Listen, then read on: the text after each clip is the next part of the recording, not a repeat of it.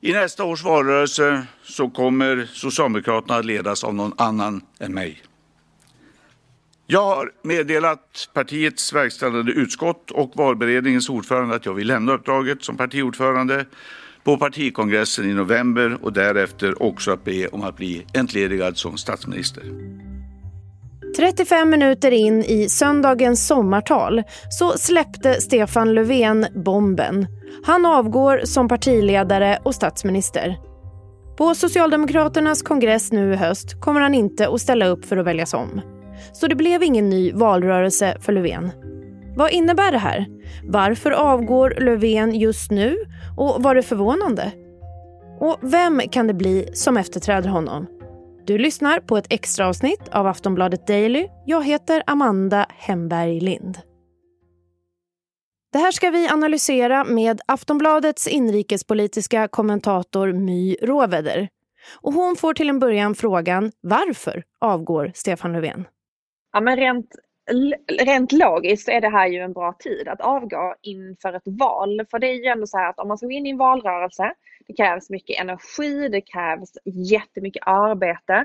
Det krävs ändå att man är beredd att axla fyra år till, eller i alla fall tre år till för att kanske då avgå inför, i god tid inför nästa val. Och han har väl kommit fram till nu att han inte vill sitta tre år till. Han vill kanske inte sitta i opposition som det ju ser ut just nu att det skulle kunna bli. Eh, och om det skulle bli så att han blir statsminister eller Socialdemokraterna får makten igen så vill han inte sitta tre år till. Och då är ju det här, alltså det är ju i grevens tid för det är ju verkligen sista chansen egentligen att lämna över till någon annan inför ett val så här sent på hösten som november med bara några månader kvar att eh, liksom, dra igång en valrörelse och jobba in sig inför valet 2022.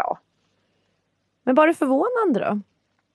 Det är förvånande för att han själv har sagt att han inte tänkte avgå. Han själv har ju talat liksom väldigt varmt om att gå in i en valrörelse och kan det liksom vara med och föra fram partiet och stå för den politiken som har förts de här senaste eh, ja nu blir det sju åren och att stå för de avtal som har ingått så att testa dem då i ett val, att han liksom har varit redo att axla det.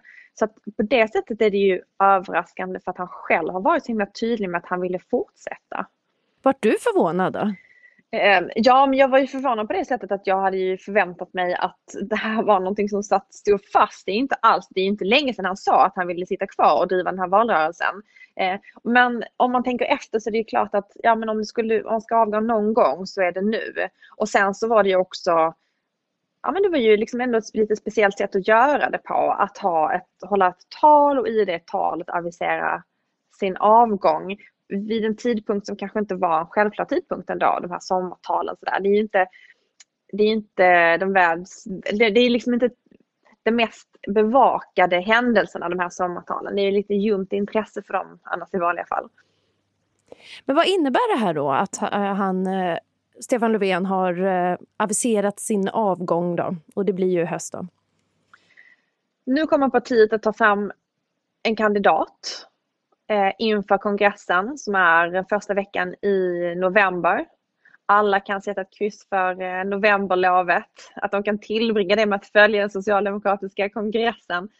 Eh, och där ska den här nya personen då väljas. Och det betyder ju också att Stefan Löfven kommer avgå som statsminister. Och han kommer då efter att den här nya partiledaren har blivit vald kommer han att eh, be om att bli entledigad. Ord vi känner igen sedan alldeles nyligen eh, hos Tjusigt. talmannen i riksdagen. Eh, och då så kommer man att ha en ny talmansrunda för att då välja en, eh, den här nya partiledaren till statsminister i riksdagen. För det är riksdagen som väljer statsminister. Sånt som vi har lärt oss nu de här senaste åren och kan allting om.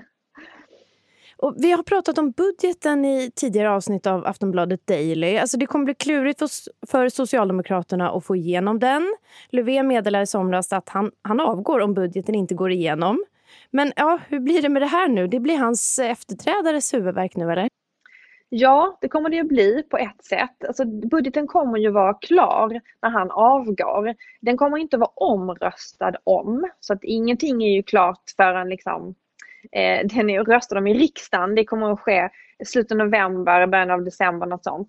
Eh, men den kommer ju vara färdig till innehåll innan dess och då kommer man ju att veta om den kommer gå igenom eller inte. Vad han öppnar upp egentligen i liksom relation till budgeten med det här, det är ju att han har sagt att han ska avgå om budgeten inte går igenom. Eh, en efterträdare till honom kan ju omvärdera den situationen och bestämma sig för att kanske ändå regera vidare på en eh, oppositionell budget. Det har ju gjorts vid flera tillfällen tidigare. Alltså de är ju inte, om, man, om det nu skulle bli, om, om vi tar in en kandidat här redan tidigt i samtalet, om det skulle bli Magdalena Andersson till exempel som blir en ny eh, statsminister och eh, som blir ny partiledare som man, jag har tippat. Eh, då är det här ju inte en ny situation för henne. Hon har ju vid två olika tillfällen tidigare regerat på oppositionens budget. Så att det där sitter står ju inte fast nu. Då kan man ju välja att sitta kvar.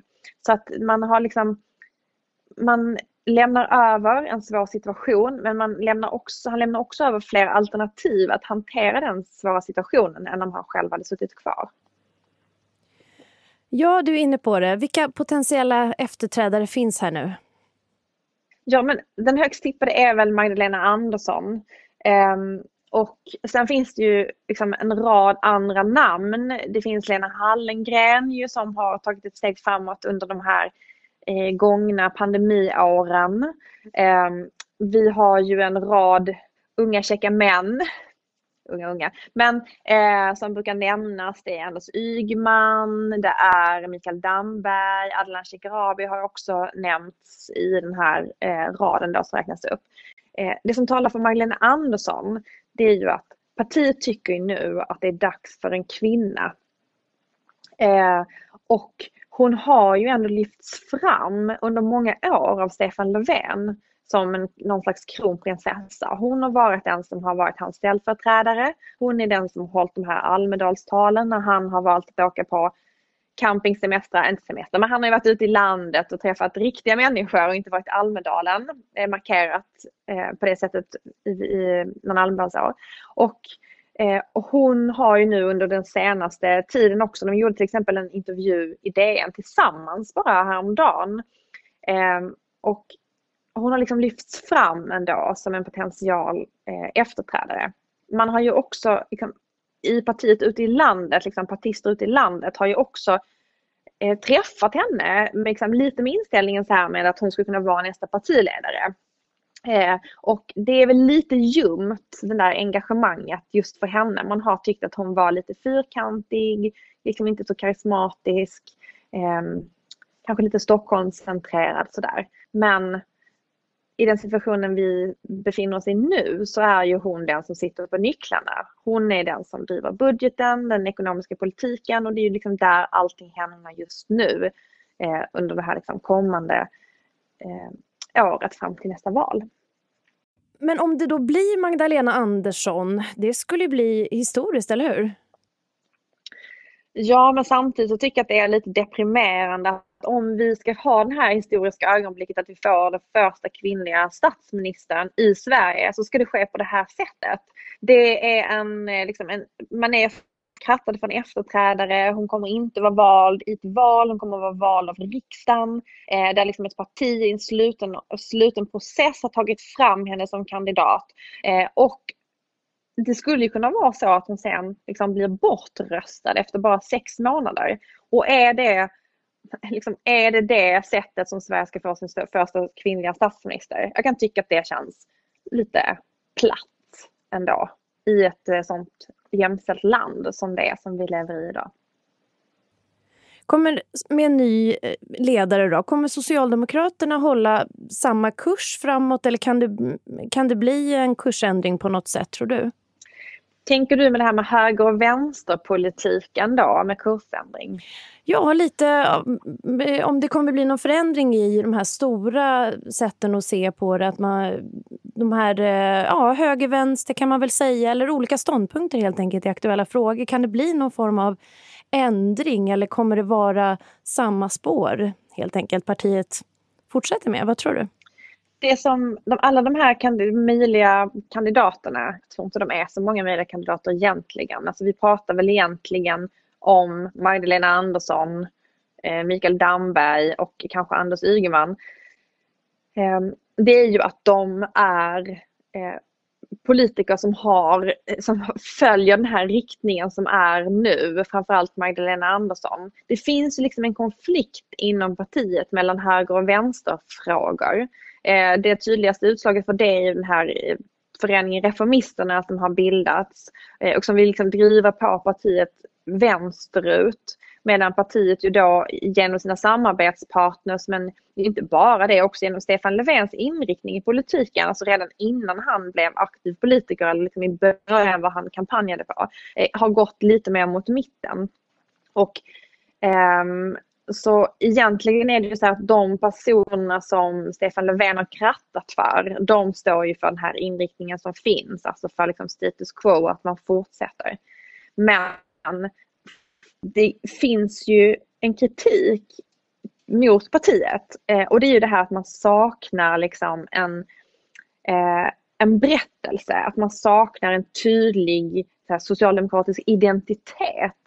Eh, nu håller de ju inte alltid med om det själva. Eh, framförallt inte den ledningen som sitter nu. Om du frågar Stefan Löfven eller Lena Rosenborg som är partisekreterare så skulle de säga att det inte stämmer men man får väl ändå säga liksom att kritiken finns där och den har blivit framförallt, det har också blivit otydligt på grund av att man har haft samarbeten där andra partier har haft stort inflytande.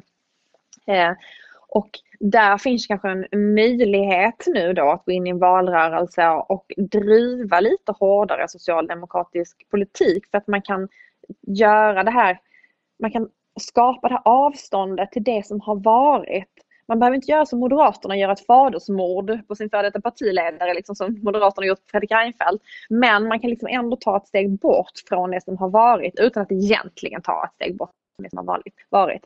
Ehm, så att det kanske finns en möjlighet att liksom föra in lite av det här som de här vänsterfalangerna efterfrågar eh, i en valrörelse för att se om det skulle kunna stärka partiet i, mot nästa val. Och vad är nästa tidpunkt att ha koll på nu då? Och när vet vi vem som efterträder? Ja, alltså nu sätter sig valberedningen och börjar titta på det här så att jag tror att tidpunkten är nu. Alltså det händer saker hela tiden. Och det skulle ju vara, det skulle ju vara roligt om Socialdemokraterna för en gångs skull skulle ha personer som säger så här, ja jag vill bli partiledare. Det finns ju en tradition. Det är inte vanligt bland någon, eller hur? Nej. Det är någon som har sagt ja, men liber det. Liberalerna hade ju det nu i sin senaste process, att de var så här, jag vill bli partiledare. Och så gick man ut och så sa Alice man det. Alice Bakunke sa väl det någon ja. gång också? Fast hon säger också, fast inte just nu, så att jag tycker att det är ett mycket vagt, det är ett vagt liksom ja. Precis, men det är ändå inte riktigt kutym att man säger ja, jag vill gärna. Och inom socialdemokratin är inte alls kutym, men det hade ju varit lite pikt ändå. Att man sa, jag vill bli partiledare, här är det jag står för, välj mig. Det hade varit roligt. Och ännu roligare hade varit om de gjorde som Liberalerna och liksom bara livesände digitalt allting, alla möten, alla liksom valmöten. Men, men. Vi får väl drö fortsätta drömma om en sån insyn i socialdemokratins bunkrar. Men det är kongressen då nu, där, den gäller att hålla koll på? Den gäller att hålla koll på. Man får hålla koll på nu också när de här budgetnyheterna börjar trilla ut under september. Det, och där handlar det ju framför allt om att man behöver hålla koll på hur ser relationen mellan Socialdemokraterna och andra partier ut? Alltså hur ser den ut med relationen till Vänsterpartiet? Hur ser relationen ut till Centerpartiet? Och betyder det någonting då att man ska byta partiledare? För att Annie Lööf gick ut och var väldigt tydlig med att det är Stefan Löfven som har varit anledningen till att det här samarbetet verkligen har fungerat. Hon liksom singlade ändå ut honom från allting och sa så här, hans personlighet, hans sätt liksom att driva saker, hans engagemang har varit avgörande för att januariavtalet och nu det här som kommit efter också eh, har liksom blivit till.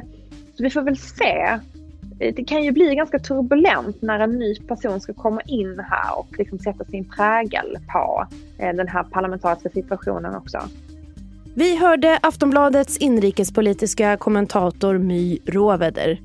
Du har lyssnat på Aftonbladet Daily. Jag heter Amanda Hemberg Lind. Vi hörs snart igen. Hej då.